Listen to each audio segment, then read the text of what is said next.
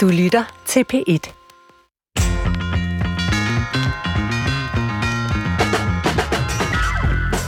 Jeg ved godt, at vi ofte taler om det, men øh, prøv at lave her, som de siger i Aalborg. Ungdommens mentale tilstand er kritisk. De lider, i hvert fald ifølge både den ene og den anden undersøgelse. I dag prøver jeg at finde løsningen ud fra den seneste nationale sundhedsprofil, hvor de unge igen igen ser ud til at have det historisk dårligt rent psykisk. Det lyder svært, men måske er det ikke så svært at få et godt ungdomsliv. Og vi voksne kan måske også lære lidt af de unge. Lad os prøve. Velkommen til Brinkmanns Brix. Så er vi her igen. Til Christoffer Heide Højer. Det står stadigvæk, på trods af mange udsendelser efterhånden, vi har lavet om det, så står det stadigvæk skidt til med de unges mentale helbred. Og anledningen i dag, det er så det nationale sundhedsprofil, der er kommet for nylig med tal fra 2021, og den slår fast, at de yngre grupper i stigende grad oplever øh, psykisk mistrivsel. Blandt de unge kvinder i aldersgruppen 16-24 år står det helt slemt til. Knap 35 procent har decideret dårligt mentalt helbred. Hos de unge mænd er det lidt mere end hver femte. Ja, hvad kan man så bruge det til? Normalt så er jeg jo optaget øh, af årsagerne til det her problem, og det tror jeg da også, vi skal runde i dag. Men øh, skal vi ikke også prøve at være løsningsorienteret? Christoffer, tror du, vi kan klare det? Ja, jamen, det, er jo, det er jo din opgave. Det er der, der er verden. du skal ikke lægge det over for mig. Nej, jeg tror da godt, du kan, Svend. Det, men det er rigtigt, du er sjældent løsningsorienteret. Du kigger altid på, på årsagerne. Så jeg, synes, jeg er spændt på, hvad du kan finde frem i dag. Øhm, og det er nødvendigt med løsninger. Mm. Fordi jeg synes jo, det er, øhm, det er næsten kedeligt, at vi igen, igen, igen, igen, igen, igen i det her program skal snakke om, at de unge mistrives. Og det mentale helbred har ikke været dårligere siden XXX, eller har det nogensinde været dårligere. Det er så skidt til. Så lad os lige slå fast, hvorfor det er en god idé at gøre noget ved det. Fordi der står i den her sundhedsprofil, en Mhm. høj grad af mental sundhed er generelt set en beskyttende faktor for helbredet. Mental sundhed er nemlig vigtig for livskvalitet, gode leveår samt udvikling af psykisk og fysisk sygdom. Omvendt har langvarig dårlig mental sundhed både samfundsøkonomiske konsekvenser og konsekvenser for den enkelte borgers sundhed og muligheder for at leve et godt liv. Så det, du skal i dag, Svend Magazine, det er at finde ud af, hvordan en hel generation får et godt liv. Mm. Kan du, Det Har du nogle umiddelbare bud på det? Hvordan det skal gøres? Ja, altså jeg synes, det er vigtigt at sige først, at øh, det du læste op der er jo vigtigt, men for mig handler det jo ikke bare om, at vi skal tænke på, hvordan det vil gå dem på lang sigt. Altså dårlig mental øh, sundhed øh, giver nogle risikofaktorer for, for resten af, af de unge menneskers liv. Vi skal også fokusere på det, fordi mange af dem har det dårligt nu. Mm-hmm. Altså, og, og det synes jeg, der skal sættes ind over for. Og mit afsæt for den slags er jo altid, at vi skal kigge på de rammer og vilkår, øh, mennesker lever under. Og i dag er det jo så primært de unge. Vi skal ikke kun kigge øh, på dem i sig selv, ind i deres hoveder, øh, hvad, hvad vi psykologer jo ellers øh, generelt er gode til.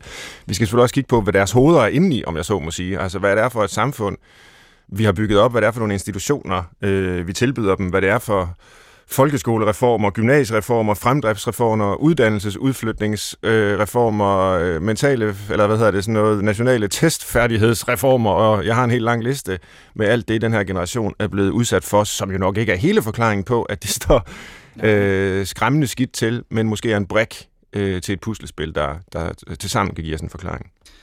Noget, der også er sjovt i den her seneste sundheds, nationale sundhedsprofil, det er, at de unge også dem, der har det fedest. Ja. Det er også dem, det er jo selvrapporteret det her, Ja. øh, hvad, hvad, hvad, der, hvad der ligesom er, er, er målt, ikke? Jo. Men det er også dem, der har det sjovest, fedest, vildest, bedst. Hvorfor tror du, det kan hænge sådan sammen? Både øh, topscorer og bundscorer. Ja, altså, det kan jo være to forskellige grupper af unge. Altså, der kan være nogen, som har det generelt godt, og, og heldigvis findes der mange af dem. Og så kan det være nogen, der har det generelt skidt. Øh, nu nævnte øh, jeg nogle tal før, øh, med hensyn til altså, psykisk mistrivsel. Men hvis, hvis vi ser på sådan noget som stress, øh, og det høje, høje stressniveau, man kan have i den der nationale sundhedsprofil, så er det faktisk over halvdelen af de unge kvinder nu, øh, der har det. Altså det er ligesom det, det højeste score, man kan have, øh, hvilket er steget kraftigt fra øh, forrige gang, man lavede det. Og en del af dem kan jo godt samtidig have det fedt, øh, hvis de bliver spurgt på andre måder. Øh, så det, det er nok også en del af forklaringen, at man godt både kan synes, man har for travlt og er stresset, og, øh, og det indimellem er svært at have det på den måde, og samtidig egentlig være, være glad og tilfreds. Vi ved jo fra altså andre typer af undersøgelser, lykkeundersøgelser, som, som det så kaldes lidt misvisende, at, øh, at børn og unge er, er, er lykkeligst, ja. hen over et livsløb. Og så efterhånden, som de bliver voksne, øh, så er det så deprimerende, at de bliver mindre og mindre lykkelige, og man rammer bunden, når man er 48 år. Mm. Altså, jeg har lige et par år øh, tilbage før det absolut nulpunkt der. Øh, det er især, når man begynder at få børn, altså falder lykkeniveauet. Altså, heldigvis så stiger det for de fleste igen øh, i sådan den anden halvdel af livet. Øh, men, men det synes jeg også er vigtigt at nævne. Det er godt, du, du siger det her, at øh, de unge er jo ikke kun de ulykkelige, og de øh, stressede, og de, øh, mis, de, øh, de mennesker, der er i mistrivsel rent psykisk. Øh, det er også en gruppe, hvor mange øh, har det rigtig godt. Tænker du nogensinde, klem dog ballerne sammen og kom videre? Altså, I, I har alle muligheder. Det har aldrig været måske øh, ja, nemmere at være ung, ud fra sådan nogle kriterier i hvert fald. Ja, altså jo, klem ballerne sammen. Altså det tror jeg, mange af dem får at vide, og det kan også godt være, at det i enkelte tilfælde kan være det rigtige at sige. Øh, jeg synes bare, når vi ser på hele generationen, og det sådan systematisk går den forkerte vej med den mentale øh, trivsel og sundhed, og vi kan også betale deciderede øh, psykiatriske diagnoser, som hver 7. 17-årig har nu. Ikke? Altså, øh, 40-50 procent af de unge kvinder har gået til psykolog på et tidspunkt i deres liv, og så videre. Ikke? Altså, så er det jo ikke bare fordi, de skal klemme ballerne sammen. Altså, så er der jo noget større på spil øh, i, i, i samfundet, tror jeg. Er der noget, du har taget med fra dit ungdomsliv ind i dit voksenliv? Altså, for uden, altså jeg tænker sådan, hvis nu skal også jeg igen tage det lidt op, hvad er det gode, man kan tage med fra de unge år?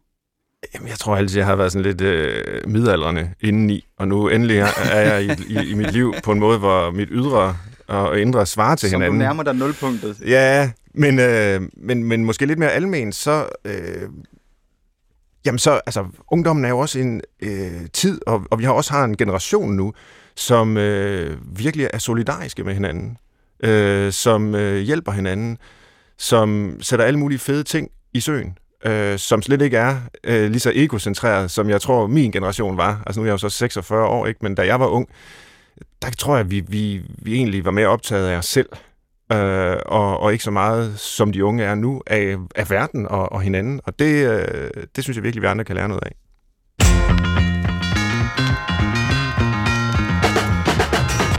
Velkommen til Brinkmanns Brix på P1. Til at løse problemerne med de unges mentale helbred har jeg inviteret to øh, vidende gæster. Den ene er øh, stifter af Ung Terapi. Det er psykolog Maja Vejen Gilbert. Øh, velkommen til, Maja. Tak. Og tusind tak, fordi du vil være med her. Og øh, vores anden gæst er, øh, hold nu fast, Ph.D., seniorforsker og overlæge i børne- og ungdomspsykiatri, klinisk lektor ved Københavns Universitet, det sundhedsvidenskabelige fakultet, Institut for Klinisk Medicin, forskningsleder for Mind My Mind, sponsoreret af Trykfonden og Psykiatrifonden, underviser på præ- og postgraduate kurser i børne- og ungdomspsykiatri, udviklingsmæssig psykopatologi, psykopatologiske interviews, epidemiologi og forskningsmetoder. Pia Jeppesen, velkommen. Tak, tak for det. Og, øh, Undskyld, jeg tog det hele med. Jeg synes bare, det var så sjovt med den her lange opremsning, der står på, på hjemmesidens præsentation af dig. Og, og, og godt forsøgt, men det er alligevel forkert, Ej. fordi jeg er nylig tiltrådt som klinisk professor klinisk i børne- og ungdomspsykiatri i Region Sjællands børne- og ungdomspsykiatri. Der kan man bare se. Ja. jeg, skal, jeg sagde klinisk lektor, og det skulle have været professor. Det er rettet, men alt det andet passer. Ja. Ja, stort set. Og, øh, vi vender tilbage lige om lidt til dig og, og, og al den viden, der ligger i, i de her titler og, øh, og erfaringer. Men først så vil jeg gerne spørge dig, Maja, om du ikke kan fortælle, hvad, hvad det her ung terapi er for noget, og hvorfor du har øh, stiftet det. Jamen, det kan jeg da godt.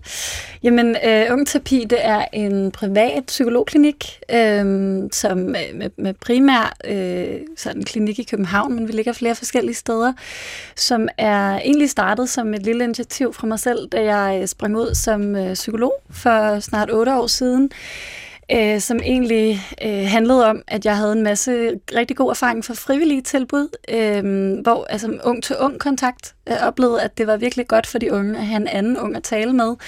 Øh, og synes egentlig, det manglede i den professionelle sektor, at der var unge psykologer, der talte med unge klienter, øh, hvis, sådan inden for privat regi. Mm-hmm. Øhm, så det var sådan set ideen med det, og siden da så har jeg jo oplevet en, en enorm efterspørgsel, og så er det vokset, og øhm, vi sidder jo 20-25 psykologer nu, og har samtaler dag ind og dag ud med unge i alderen 15-30, øhm, for det meste individuelle samtaler, psykoterapi, øhm, så vi oplever altså vi oplever rigtig øh, meget den, vi, vi kommer meget tæt på de unges problemer, så at sige.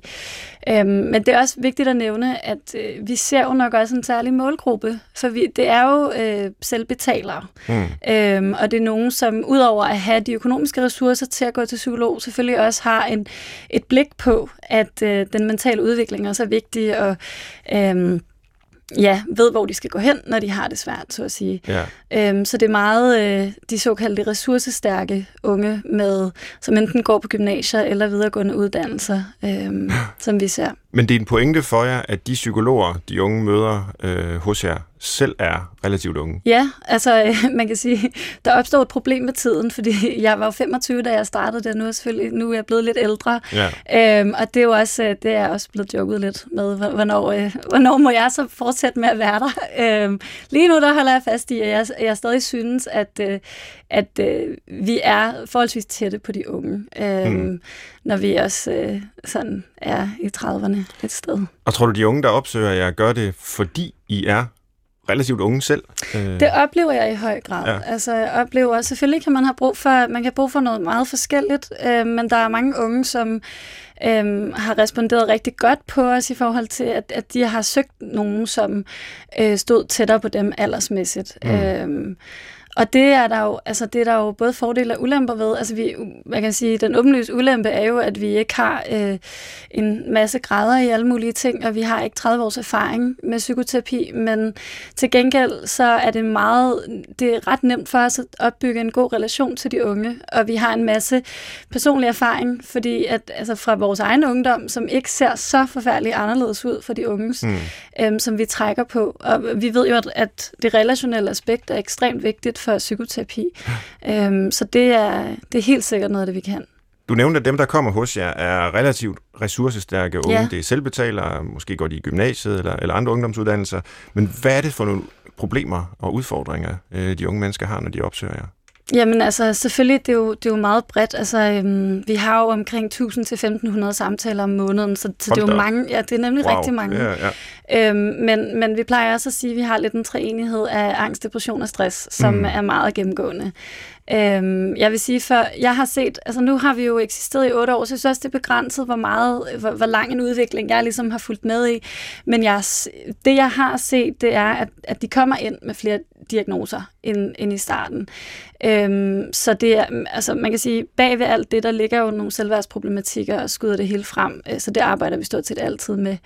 Men vi har også set de seneste år, at sådan noget som cutting og selvskade i det hele taget er kommet meget mere på banen og blevet en meget mere almindelig ting. Så hvis ikke vi spørger til det, så er det ikke sikkert, at de nævner det som noget, fordi Nå, jamen, det, det er der jo mange, der gør. Mm. Så er det ikke sådan en, en coping-strategi, som altså, det kan du ikke være så overrasket over. Ikke? Øhm, så det er, det er nok sådan meget kernen, og så ensomhed, der altid følger med i, ja. i halen på alle former for problemer. Siger de unge noget om, hvad kan man sige, de faktorer, de selv mener har givet dem nogle af de her problemer, eller kommer de simpelthen med deres stress, deres depression, deres ensomhed og, og, og, og tager udgangspunkt i, i dem selv. Altså det, det gør de jo selvfølgelig, men er de opmærksom på, at der er noget i, i den tid eller det samfund, de befinder sig i, som, som kan have medvirket til at skabe nogle af de her problemer for dem? Men det synes jeg, det synes jeg er blandet, for jeg vil sige, de, de helt unge af dem, de øh, har det meget sådan øh, internaliseret, så at sige, føler, altså sådan, kan have meget svært ved at finde hoved og hale. Altså det, det kan man sige, det er jo også en del af pro- problemerne. Øhm, men, men jeg vil også sige, at der er mange unge, jeg møder, som i tale sætter det her altså pres, øhm, mm. som rigtig mange føler. Øhm, de, de, altså, de har en høj grad af skam også med sig omkring at have det, som de har det. Øhm, nu blev der også nævnt tidligere det her med at være en meget privilegeret generation, og det synes jeg også, de i tale sætter utrolig meget, men som en skamfuld ting, at mm. jamen, jeg er jo så privilegeret, så hvorfor har jeg det på den her måde? Og det er næsten pinligt, at jeg sidder her. Øh, mange, der sådan underminerer øh, deres problemer og siger, jamen ja, jeg kommer her, men det er ikke sikkert, har jeg det svært nok, og så har mm. de det faktisk rigtig svært. Ja.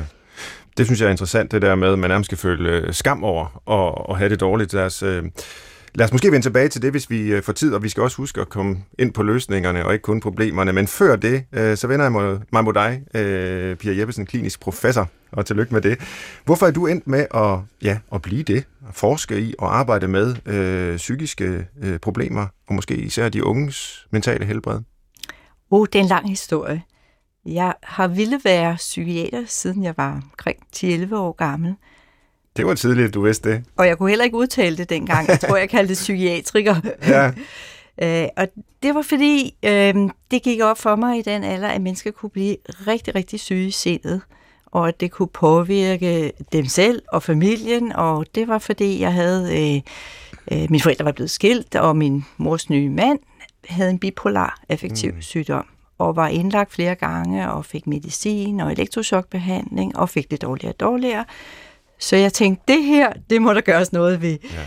Og det har faktisk fulgt mig lige siden, og Selvfølgelig er der mange andre mennesker, øh, jeg har mødt i mit liv, der yderligere bekræftet mig i, at psykisk sygdom øh, findes som øh, folkesygdom. Det er i blandt os, det er i alle vores øh, familier og omgangskreds. Øh, og øh, det kan være øh, rigtig svært, men der er, man kan sige, det er sjældent svært fra den ene dag til den anden. Der er en lang udviklingsperiode, øh, hvilket giver en mulighed for at gribe ind. Mm. Så, så det er noget af forklaringen. En anden forklaring er, at jo mere jeg dykker ned i området, jo mere synes jeg, jeg lærte om livet i almindelighed og om mig selv.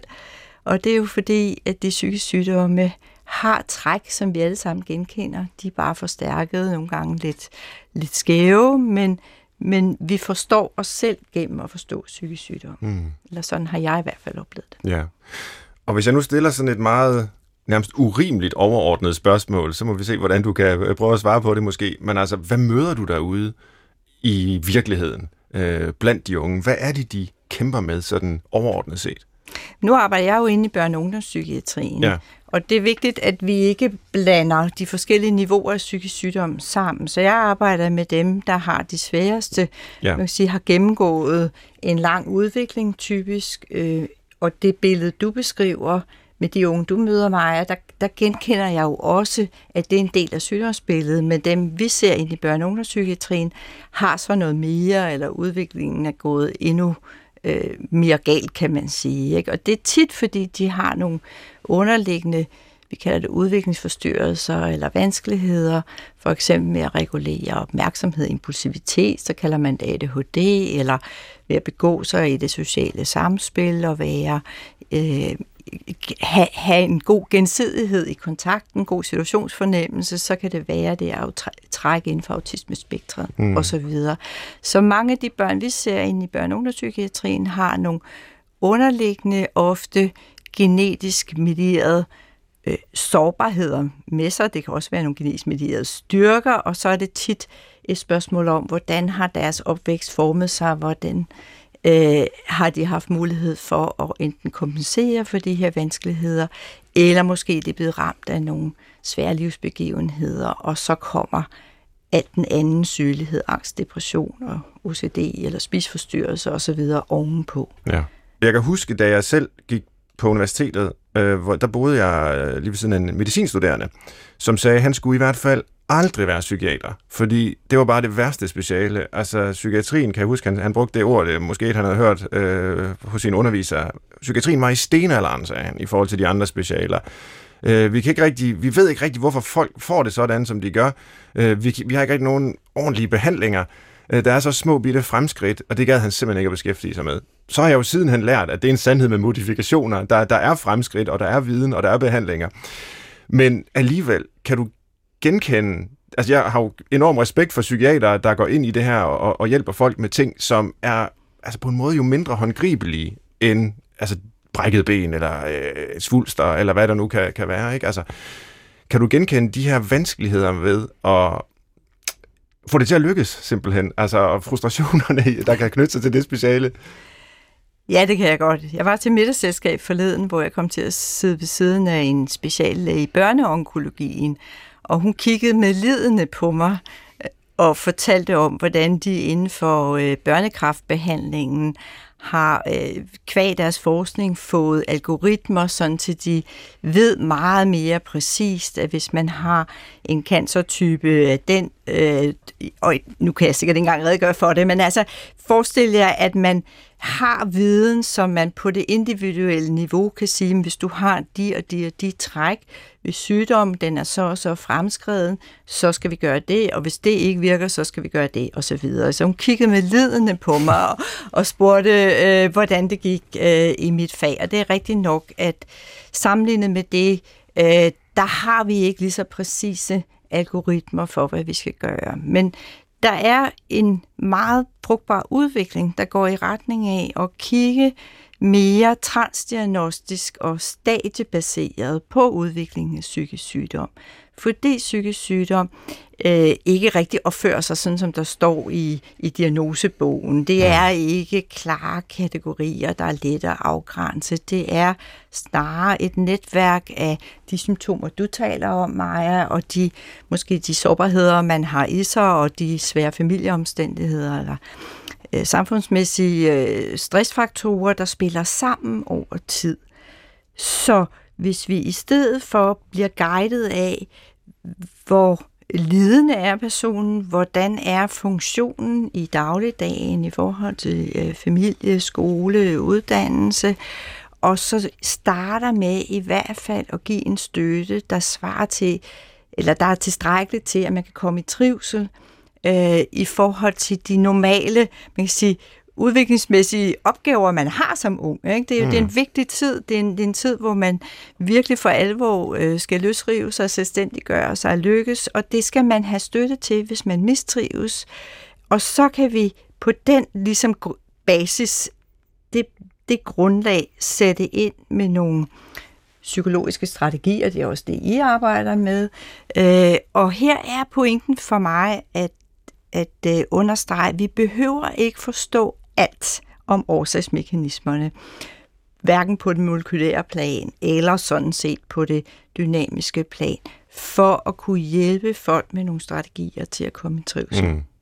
Så, så på en måde er vi på vej med en stadieinddeling, og vi har også man kan sige, det man kalder evidens, altså ja. viden på baggrund af forskning om, hvad hjælper på de forskellige niveauer. Men vi er ikke lige så forfinet, som man er på cancerområdet. Og også det vender vi tilbage til lige om lidt, øh, det her med, hvad, hvad kan man så gøre fra, fra det psykiatriske perspektiv. Men først kunne jeg tænke mig, at vi lige rundede de her tal i den nationale sundhedsprofil, og det er altså 183.000 danskere, der er blevet spurgt til både deres fysiske og psykiske sundhed, og det er i alle aldersgrupper fra 16 år og op efter. Og øh, ja, vi hørte jo nogle af de sådan lidt øh, dystre udviklingstendenser øh, tidligere. Maja, hvad, hvad tænker du på, når du hører om, øh, at det endnu en gang ser ud til at gå den forkerte vej? Jamen, jeg ved ikke. Altså, jeg er jo ikke øh, så overrasket. Øhm, det er nærmest lige før, jeg også for, bliver sådan lidt afstumpet i min sådan... jeg ved ikke, det er jo, altså som du også selv siger, det, går, det er jo bare gået galt mere og mere, hver gang der kommer nogle nye undersøgelser, og så kom der noget, øh, jeg tror det var mig, Heide Ottesen i 2017, der lavede en større undersøgelse også, og den ramte også overskrifterne med rekord øh, mm dårlig trivsel, og så hver gang der kommer noget nyt, så, så viser det bare nogle dårligere tal, så det overrasker mig ikke. Altså, nu skal vi også huske på, at den er blevet lavet under nedlukningen øh, sidste år. Ja, den er lavet i foråret 2021. Ja, præcis, og vi ved, at det har haft en stor indflydelse. Ja. Øhm, på, på alles mistrivsel, men, men jeg kan jo, jeg kan jeg er jo også virkelig biased, fordi jeg sidder jo hver dag og taler med unge, der har det dårligt. Mm. så, så det er jo dem, jeg møder. Så det overrasker mig ikke, kan man sige. Vi oplever jo også øh, stigende efterspørgsel hele tiden, og også en stigende frustration. Man kan sige, vi, vi arbejder jo ikke... Øhm, øh, det er jo en privat praksis, vi er ikke tilknyttet lægehenvisningsordningen, så egentlig så, så, så tager vi de problematikker i den mere milde ende, men vi oplever alligevel, at der er ret stor efterspørgsel på de mere moderate øh, hvad kan man sige, klienter, der, der, altså de unge, der leder noget mere, som egentlig skulle være taget ind i andre systemer, som der ikke er plads til. Så vi er mm. også i stigende grad begyndt at behandle dem, der har det svære. Ja. Øhm, så altså, jeg, jeg er ikke overrasket, øhm, desværre. Øhm, vi har samtidig haft besøg af ungdomsforskere som Nomi Katznelson, som taler om ny udsathed i øh, ungdoms generationen, og det lyder som om, at det er nogle af dem, I møder, altså ikke kun øh, hvad kan man sige, unge mennesker fra øh, altså ressourcesvage øh, hjem, eller hvad man nu kalder det for tiden, øh, hvor, hvor, hvor der jo altid har været kan man sige, en overhyppighed af, af psykiske vanskeligheder, og, og nu ligesom det breder sig ud til, til hele generationen. Øhm, hvad, hvad handler det om, tror du, Maja? Åh, oh, det er et godt spørgsmål. Ja, hvad handler det om? Det, det,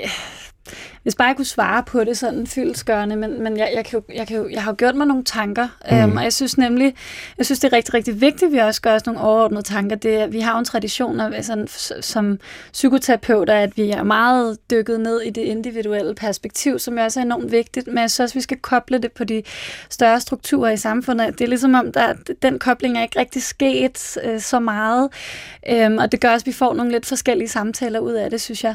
Øhm, men jeg tror helt sikkert, øhm, og, og på mange punkter er jeg også enig i, øh, i Naomi Katz Nielsen og Center for Ungdomsforskning, der taler om, at der må være nogle, nogle nye risikofaktorer i vores samfund, som skaber en udsathed for nogle øh, andre grupper, end, mm. end dem, der traditionelt set er på kanten af samfundet. Jeg oplever rigtig meget, at der er nogle idéer, nogle diskurser i, sådan, i samfundet, som de unge øh, naturligt tager til sig. Det, det gør vi jo selvfølgelig, gør vi alle sammen, men som faktisk øh, er, med til virkelig at presse det meget. For eksempel, øh, det hører jeg rigtig meget, det her med, at øh, jeg kan blive til, hvad jeg vil i livet øhm, som jo lyder enormt positivt, og det er jo også sådan, budskabet bliver fortalt for de ældre generationer, men som i virkeligheden bliver hørt fra rigtig mange unge, som en, jeg bør blive til, hvad jeg vil, og jeg er en fiasko, hvis jeg ikke bliver til, hvad jeg vil, og hvad vil jeg egentlig? Ja. Og øhm, jeg er jo så privilegeret, så jeg har ingen undskyldninger for ikke at klare mig godt i livet og få succes.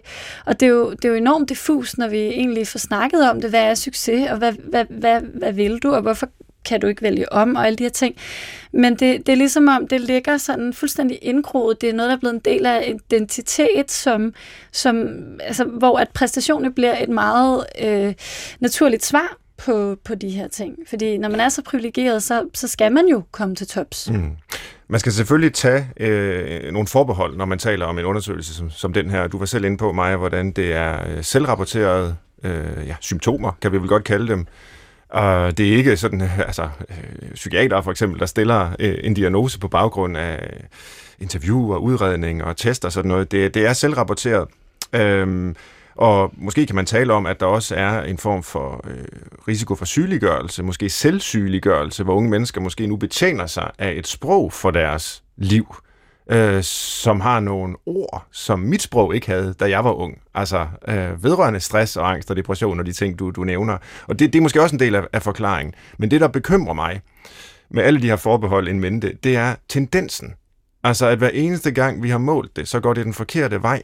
Så selvom der er nogle, nogle andre forhold i det også, så er den her tendens altså øh, bekymrende, som jeg ser det. Pia, er det en, bekymring, du deler, eller, eller, eller er undersøgelsen ligesom ikke, hvad skal vi sige, videnskabelig nok til, at, øh, at vi skal lade alarmklokkerne ringe? Jeg deler bekymringen, fordi det er jo en fakt, som du mig også beskriver rigtig godt, at der er mange unge, der har det skidt og søger hjælp. Men der er også mange unge, der har det godt. Det skal vi lige huske. Ja. Ikke? Den jo. anden side af medaljen, det mm. er, at der er et stort flertal, der trives og formår at udnytte den her enorme frihed, de har til at vælge, realisere sig selv på mange måder. Man kan også vælge sit, sit eget køn, sin egen øh, seksuelle orientering, øh, sin egen uddannelse. Man kan rejse bortset fra covid osv. Der, der er en verden, der byder på flere muligheder end nogensinde før. Der er et stort flertal, der får noget rigtig godt ud af det, og som er imponerende, modne og selvstændige, og øh, samtidig øh, laver, som du sagde, fede ting øh, i, i grupper og med hinanden og for klimaet og så videre, så videre. Ikke? Jeg synes for eksempel, når jeg møder de medicinstuderende, så, så møder jeg nogle utrolig dejlige mennesker, der er meget, meget engageret mm. på mange lederkanter. Men når det er sagt, så, øh, så er der altså også nogen, der virkelig har det skidt, og der er nok reelt flere, især unge kvinder, der har det skidt på det område, vi kalder noget med angst, depressive symptomer og stress. Det er egentlig også det, du beskriver. Øh, det vi ved fra befolkningsundersøgelser, der er lavet i den vestlige verden gennem de sidste 40-50 år, øh, det er, at der er en pæn andel af børn og unge, der sådan set altid har været psykisk syge. Øh, at psykisk sygdom meget ofte starter i barne- og ungealderen. Så noget af det nye er jo også, at vi begynder at se det, diagnostisere det, kalde det noget og forhåbentlig tage os af det. Så der ligger et, også et forebyggelsespotentiale i, at det er blevet mere synligt. Mm. Så noget af forklaring på stigningen, det er en kultur, hvor vi i højere grad er parat til at talsætte, tale det sprog, øh, også om noget, der er for real, kan man sige. Så kan man stille spørgsmålstegn ved undersøgelsen på den måde, at det jo netop er selvrapporteret, og hvis kulturen ændrer sig, og det, det sprog, vi taler i, de, de måder, vi tænker om livet, øh, farves af det her sprog, og kombineret med, at man har høje forventninger til sig selv, så kan det godt være, at noget af stigningen skyldes, at man simpelthen har en anden reference, når man svarer. Mm. Så selvom vi spørger med det samme spørgeskema år efter år, så kan det godt være, at de unges bagkatalog af muligheder og perspektiver på livet gør, at de er mere parate til at kalde noget øh, for mistrivsel, end de var tidligere. Og øh, nu startede med at spørge til, hvorfor jeg ville være psykiater, og jeg kom til at tænke på min ungdom. Og nu kommer jeg faktisk til at tænke på øh, de unge, som jeg brugte et par år sammen med øh, som ung i Helsingør, i det sådan lidt hårde miljø. Øh, der er altså halvdelen af min pigegruppe fra ungdomsårene, øh, de er døde nu. De er døde i misbrug. Øh, de har haft et rigtig, rigtig svært liv, men der var aldrig nogen, der kaldte det, at de mistrives, eller havde angst, eller depression, eller svære kår hjemmefra. Så, så det skal vi også huske igen det her med, at det har egentlig altid været der. Nu er vi begyndt at tage os af det. Det er der også potentiale i. Mm. Så det blev sådan et svar, der er lidt både og. Jo. Øh, men altså ud fra befolkningsundersøgelserne, der er der tegn til reelle stigninger på angst-depressionsområdet, ja. især for unge og især for unge kvinder. Men meget af stigningerne er altså også bare, at vi tager os af det. Ja. Ja, bare, bare. Men... Men, men det er jo prisværdigt med et nuanceret svar, fordi det er en kompleks problematik. Ja. Det, det tror jeg, der er bred enighed om, og øh, når vi så skal respondere klogt og humant på den, så skal vi jo også øh, have øjne for alle, eller have øje for alle øh, forskellighederne, der måtte være, og alle de mange faktorer, der, der er i spil. Øh, noget af det handler om, at vi nu finder noget, der altid har været der. Noget andet handler måske om, at der er en reel øget øh, sårbarhed, og, og så er der måske også noget, der handler om, at man svarer anderledes, fordi man har fået en anden opfattelse af, hvad, hvad problemer er og livet er. Øhm, så lad os prøve at rykke videre til løsningerne, og hvis vi kan være lige så nuanceret, når det kommer til det, så vil det jo være forbilledeligt. Så vi kan jo begynde med en sådan simpel distinktion mellem, øh, hvad kan individet gøre, og hvad kan man og bør man gøre mere samfundsmæssigt. Øh, Maja, du sidder jo selvfølgelig som øh, psykolog, som psykoterapeut, med et individ, og bruger din egen øh, ja, person, øh, individuelt og relationelt til at, at hjælpe vedkommende. Så ud fra det rent individuelle perspektiv, hvad vil du sige, et menneske kan, kan gøre der? Et, et ungt menneske, som gerne vil øh, ja, leve bedst muligt under de her vilkår, vi nogle gange har? Det handler selvfølgelig meget om, hvad den specifikke problematik er. Ja. Øhm, men, men, men jeg kan sige det sådan, at øh, jeg arbejder rigtig meget med unge i forhold til, at øh, det er også, fordi jeg har et meget diskursivt blik på mange af deres problematikker øh, med, at øh, jeg lytter meget efter, øh, når, de, når de fortæller om, at de burde også det ene, og de burde også det andet, at det er sådan nogle stemmer, der kommer udefra, som de har internaliseret i sig selv.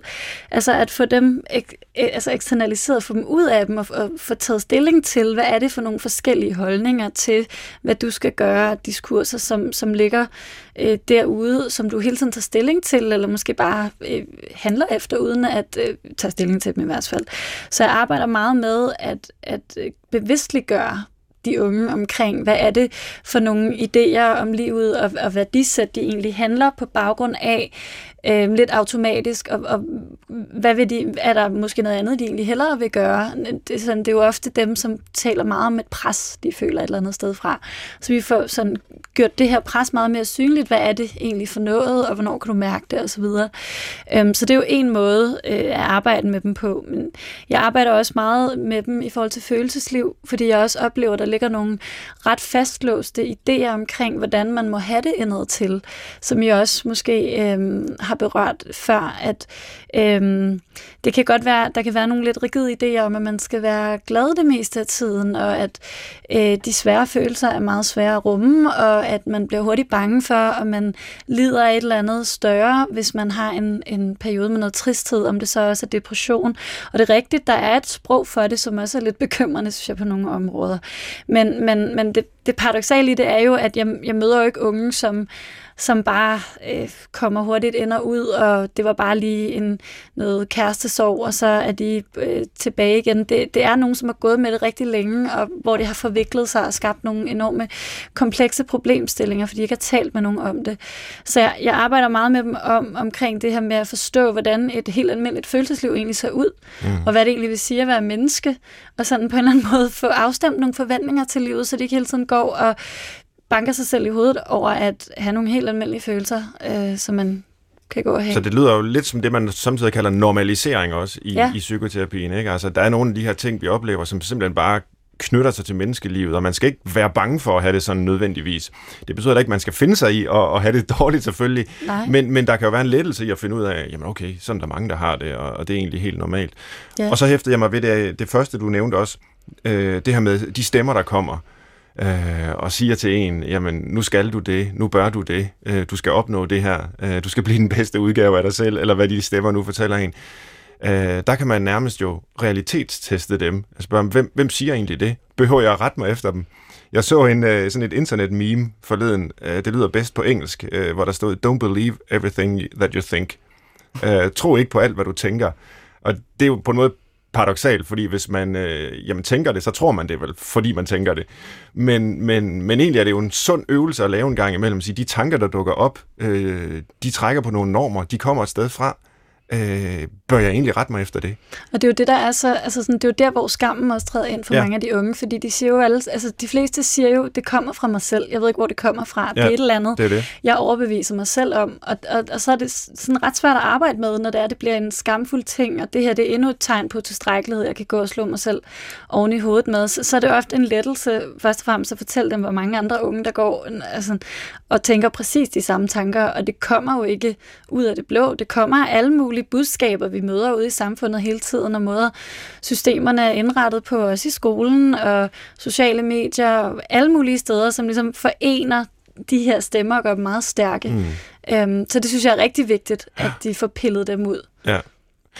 Og Pia, du skal også have lov selvfølgelig til at komme med dine bud, og det kan være en opfølgning på det her kan man sige, individperspektiv, som jo så også har med samfundet at gøre, som vi hører, men det kan måske også være mere institutionelle øh, hvad kan man sige, forandringer, der skal til for at løse nogle af de her problemer. Jeg kan sige, forleden da jeg øh, læste om den her nationale sundhedsprofil og skrev lidt om det på de sociale medier, øh, der var der jo straks alle mulige, der meldte sig med alle mulige løsningsforslag, og det, det er udtryk for, at folk virkelig er optaget af det og, og vil de unge mennesker det bedste. Men det bliver ofte sådan lidt øh, enkelt faktor øh, finding. Altså så handler det om, at nej, men det er fordi, der er så mange skilsmisser, og det er synd for børn og unge, eller det er fordi, de øh, har alt for meget skærmtid, og, og det får de det dårligt af, eller det er på grund af normeringen i daginstitutioner, øh, eller sådan nogle ting. Ikke? Altså, og der må sige, okay, det kan vi jo så undersøge, om de faktorer har nogen øh, sådan betydning, og det kan godt være, at nogen af dem har en lille betydning, men når vi ser på det store billede, så er det nok ikke de der enkelte faktorer, der driver den her øh, udvikling. Hvis du skulle prøve med et mere sådan samfundsmæssigt perspektiv, hvad vil du så gerne se af ændringer, øh, der kunne hjælpe øh, unge mennesker? Og jeg ved godt, du ser jo så dem, som måske har det værst. Øh, men, men, men, men bredt set, hvad tror du, der kunne gøres? Og det er et rigtig stort spørgsmål. Ja. Og så spørger du en børne- og ja. der jo rigtig gerne vil tale om det individuelle perspektiv. Det må du også til, gerne. Så hvis jeg lige kan starte Meget der, ikke? fordi jeg tænker, det du fortæller, det er jo faktisk det samme, vi arbejder med inde i, i børne- og ungdomspsykiatrien, og det er også øh, vigtigt at vide, for lige at afdramatisere det.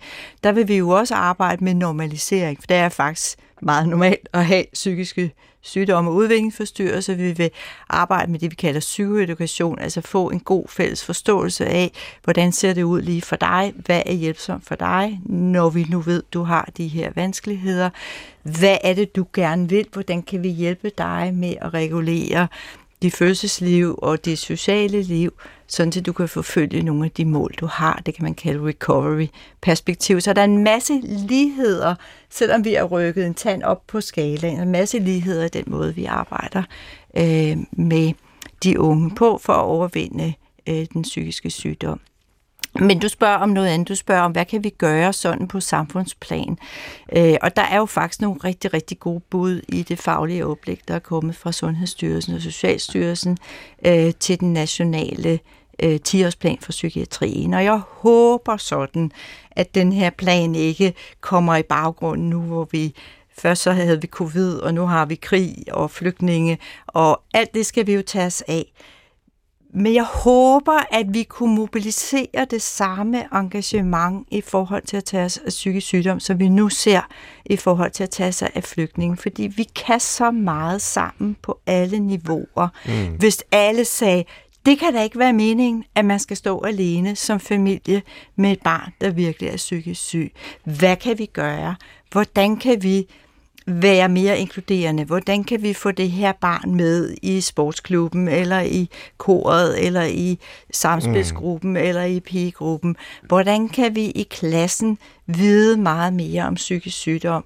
Øh, sætte det øh, på skoleskemaet, så alle har en eller anden forståelse af, hvor normalt det faktisk er, men også hvor normalt de ting, man kan gøre øh, for at hjælpe nogen, der rammes af psykisk sygdom, egentlig er. Simpelthen mobilisere civilsamfundet øh, og alle hjælpeorganisationerne. Og hvis vi går tæt højere op ad trappestigen, så er der brug for flere ressourcer til den øh, både den børne- og ungdomspsykiatriske voksenpsykiatriske behandling og til forskning på området. Mm. Altså, du har selv været inde på det her med, er vi lidt i middelalderen stadigvæk? Ja. Ikke? Så det skulle der også komme ud af den her mobilisering, at have men det er ressourcer jo, nok. Det er jo øh, ekstremt vigtige ting, du nævner, men det er jo, øh, hvad kan man sige, ting, der bør gøres, når sygdommen er der, eller når det, den psykiske vanskelighed er der. Også forebyggende. Ja, fordi ja. Det, altså, vi skal vel gerne undgå, at så mange børn og unge får ja. problemer. Og forebyggelse er jo også noget, vi kan gøre på et trin. Hvis man starter helt ude på samfundsplan, så hedder det jo universel forebyggelse, ja. og det kan man inddele i, i nogle strukturelle tiltag. Det vil sige, at man kan tænke over, hvad er... Nu har vi lige haft en uge, hvor vi har talt rigtig meget om de her... Øh, Øh, øh, nye politiske forslag om at begrænse, hvilken alder unge kan få lov til at købe alkohol. Og det er jo et eksempel på et strukturelt forebyggende tiltag. Lad os begrænse adgangen til farlige ting. Vi har allerede begrænset pillepakkestørrelsen på Panodil, og det har formentlig en effekt, når det bliver sværere at få fat i det farlige øh, Panodil til øh, selvmord. Ikke? Så, så der er en hel masse ting, man kan gøre strukturelt, og der kan vi jo tænke meget mere over, hvordan indretter vi skolerne, bygningerne, miljøet, sådan til det understøtter nogle gode, trygge sociale fællesskaber, og at man måske i mindre grad skal tage ansvar for egen læring og orientere sig i et stort rum med mange i klassen. Bare for at nævne et lille eksempel. Ikke?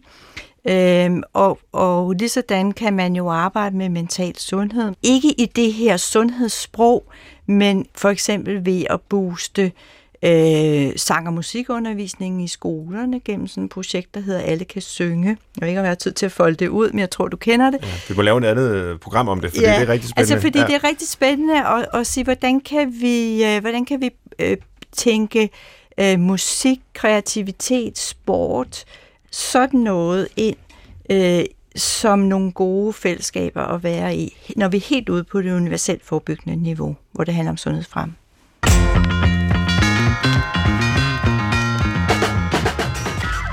Du lytter til Brinkmanns Brix i dag med Maja Vejen Gilbert, som er stifter af Ung Terapi og psykolog, og så også Pia Jeppesen, der er professor og overlæge i børne- og ungdomspsykiatri.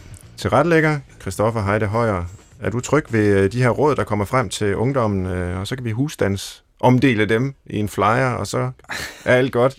ja, det, det er da i den grad. Ja, det er godt. Du, du efterlyste jo løsninger. Ja, nej, men øhm, ja, måske den tråd vil jeg gerne spørge jer hver især, om I kan fortælle en succeshistorie.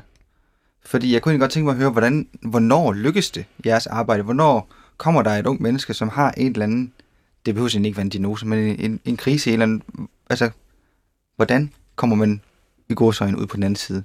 Maja, kan du ikke... Øh, jo, det kan jeg godt. Ja, det kan jeg. Øhm, jamen, øhm, en succeshistorie kunne være fra øh, en samtale, jeg for eksempel havde i går. Jeg arbejder, altså sådan, det er et meget godt eksempel på en ung, sådan, som jeg, som måske repræsenterer ret mange andre unge, jeg også arbejder med, som har kæmpet gennem hele sin gymnasietid med øh, tanker om præstation hele tiden, og som, som i løbet af gymnasiet også er gået ned med stress, som nu... Øh, går på en videregående uddannelse, og så kommer ind på en, en ret prestigefuld uddannelse. Og, og igennem det forløb, så har vi arbejdet for eksempel rigtig meget med, med, med, med det her pres og de her stemmer, der fortæller hende, at hun hele tiden skal gøre sit bedste, og øh, hun må ikke lukke nogen døre, hun skal, hun skal åbne, øh, alle, åbne op for alle muligheder hele tiden, ikke ved at præstere. At vi netop arbejdet med at sige nej, og lade være med at præstere, og lade være med at udvikle dig. Øh, acceptere dine egne grænser. Som i går kom og sagde, at øh, hun havde overhørt en samtale med nogle, øh, nogle medstuderende, der havde talt om en eller anden øh, sommerskole på Harvard, som man jo kunne øh, tage på, og det var de blevet ret øh, op at køre over. Og så lige pludselig så blev hun ramt af den her stress igen. Hun vidste ikke rigtig hvorfor. Hun havde bare lige overhørt samtalen, men fik en enorm træng til at begynde, fordi at, at de talte så om, at så skulle man jo have 12-taller på, sin, øh, på sit CV igen og så videre. Det havde hun ellers forenet sig med, at det skulle hun ikke længere. Øh, så lige pludselig så blev hun ramt af den der, shit man, jeg er totalt bagud, jeg, jeg skal i gang igen, og jeg skal til at læse op noget mere og så videre.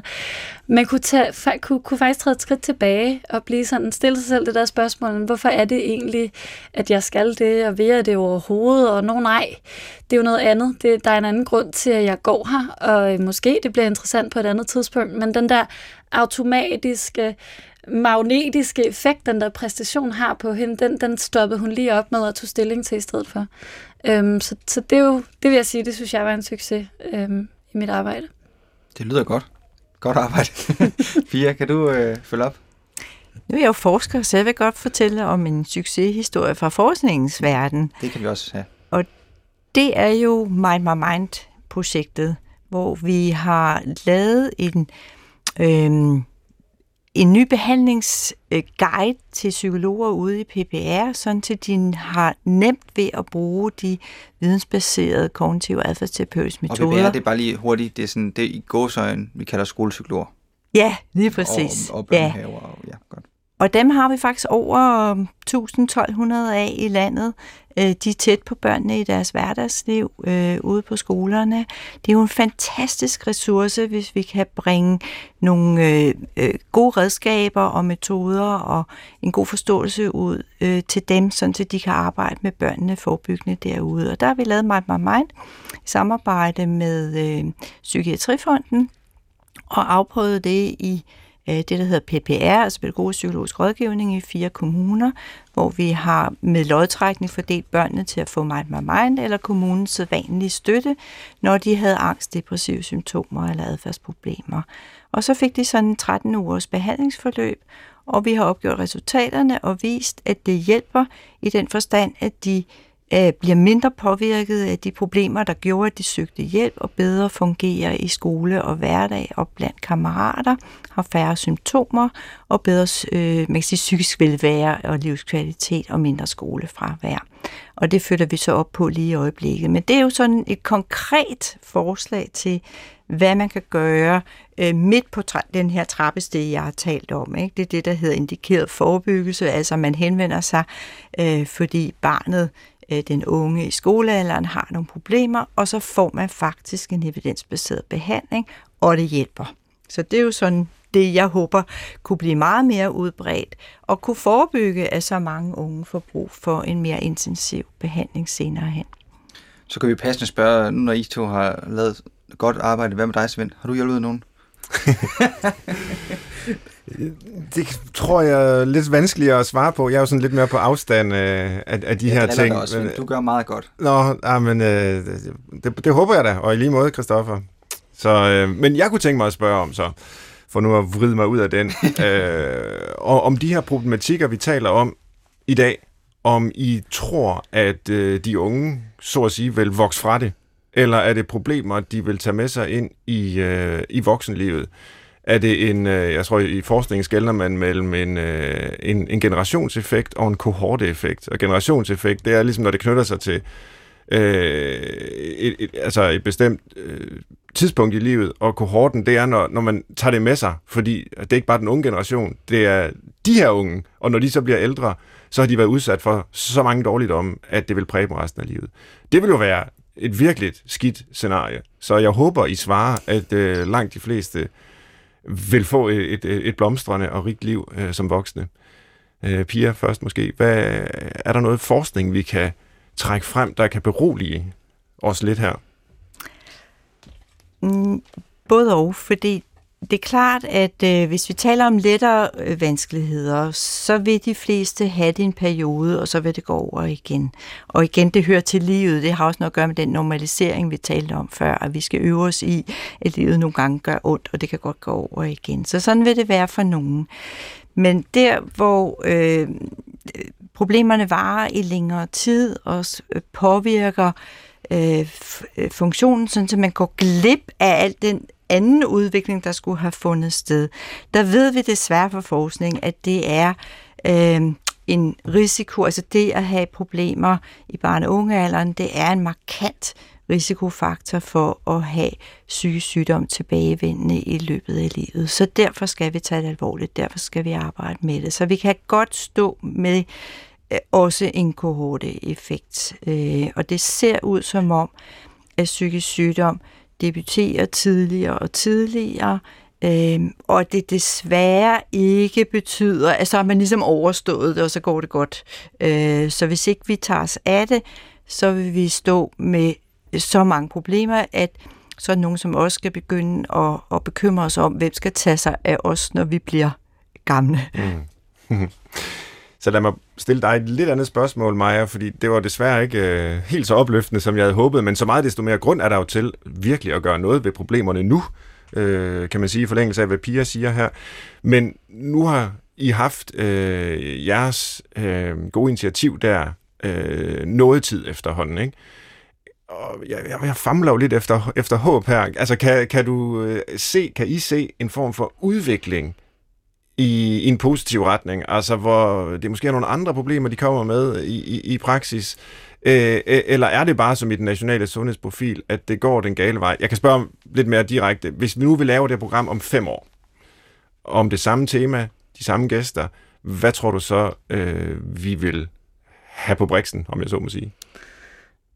Jeg vil, jeg, jeg, jeg, altså jeg vil jo noget lyde for pessimistisk, men, men Altså man kan sige først og fremmest, altså sådan, jeg giver Pia helt ret i, at der, vi skal også skælne imellem, hvor, hvor sådan tyngden af problemer, de kommer med. Og der er jo heldigvis rigtig mange unge, som, som bare lige er inde og vende hos os, om, og så, som vi aldrig ser igen. Mm. Vi, vi plejer ja. at sige, at vi håber aldrig, at vi ses igen. Øh, men der er også en del, som vender tilbage og som, som kommer hos os i perioder, og så kommer de igen i nye sådan, faser af livet efterhånden. Øhm, så jeg, jeg tænker, at vi har jo også talt lidt i årsager, vi er nok blevet ret enige om, at der er altså nogle større samfundsmæssige ting også på spil, så, så, så længe altså, det, den udvikling går og tager jo lang tid at vende. Så jeg er ikke sikker på, at situationen vil være meget anderledes om fem år, hvis jeg skal være helt ærlig. Og, og, og jeg tror også, altså sådan, nu hvor jeg har nogle klienter, som jeg har fulgt igennem længere tid, kan jeg jo godt se, at de bliver bedre til at distancere sig fra de ting, de oplever i løbet af altså de ting, der stresser dem, men, men, men der er stadigvæk en eller anden form for sårbarhed, som gør, at de nemmere går ned med stress, når de så er færdiguddannet og kommer ud på arbejdsmarkedet. Vi ved også, at der er utrolig mm, altså, høj forekomst af stress blandt dimittenter, og jeg kan også sådan, det er måske mere anekdotisk, men, men som forældre til små børn, se i min omgangskreds en, en ret stor ængstelighed, der også er i forældreskabet og sårbare gravide. Øhm, så, så jeg tror også, desværre, at det siver lidt ind øh, senere hen i livet. Men, men ja, det, det, jeg tænker også, der, der er også en form for modenhedseffekt af mm. en eller anden art, som ja. gør, at man bliver bedre til også at kunne perspektivere de ting, man oplever. For nu så at slå helt fast, at vi også gerne vil se konstruktivt på de unges muligheder, så kunne jeg tænke mig at invitere jer til input til en liste, som vi runder af med. Tre gode grunde til at leve som en 18-årig. Fordi det jo ikke bare er øh, stress og angst og depression, øh, som vi har talt om. Det er også en livsfase med en hel masse gode ting. Så hvad kunne være gode grunde til at leve som en 18-årig, når man, øh, når man ikke er 18 år længere? Er der, hvad, hvad kan vi tage med fra de unge og lære af dem? Du mener ja. i dag? I dag? Ja. Jamen, jeg synes, de unge har øh, utrolig mange muligheder. Altså, der er også en masse positive aspekter ved øh, verden her under digitaliseringen, og det, at man har adgang til så mange idéer, og så mange input, og så mm. mange ting, man kan lade sig inspirere af.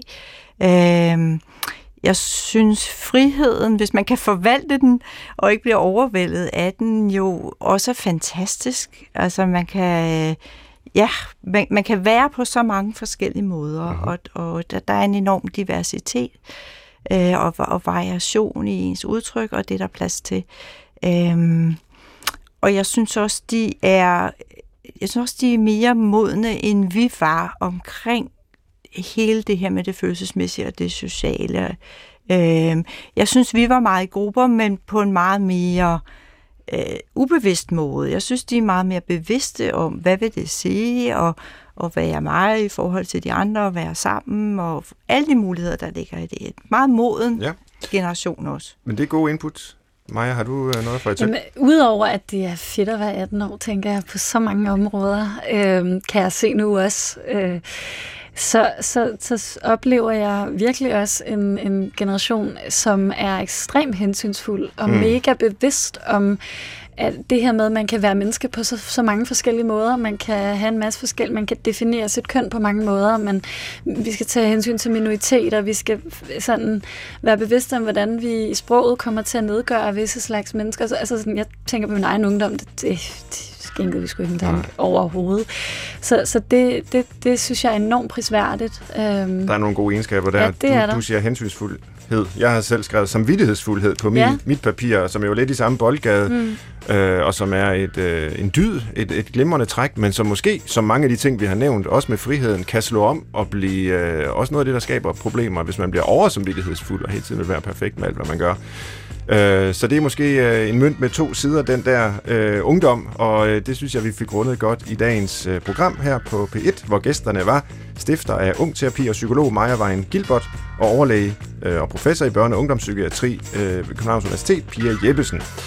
Til retlægger var, som altid, Christoffer Heide Højer. Jeg er tilbage om en uge her på kanalen, og i mellemtiden kan du finde mange flere af vores programmer i appen DR Lyd. Jeg håber, vi høres ved en anden god gang.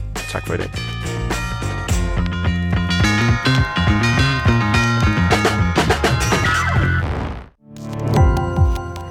Gå på opdagelse i alle DR's podcast og radioprogrammer. I appen DR Lyd.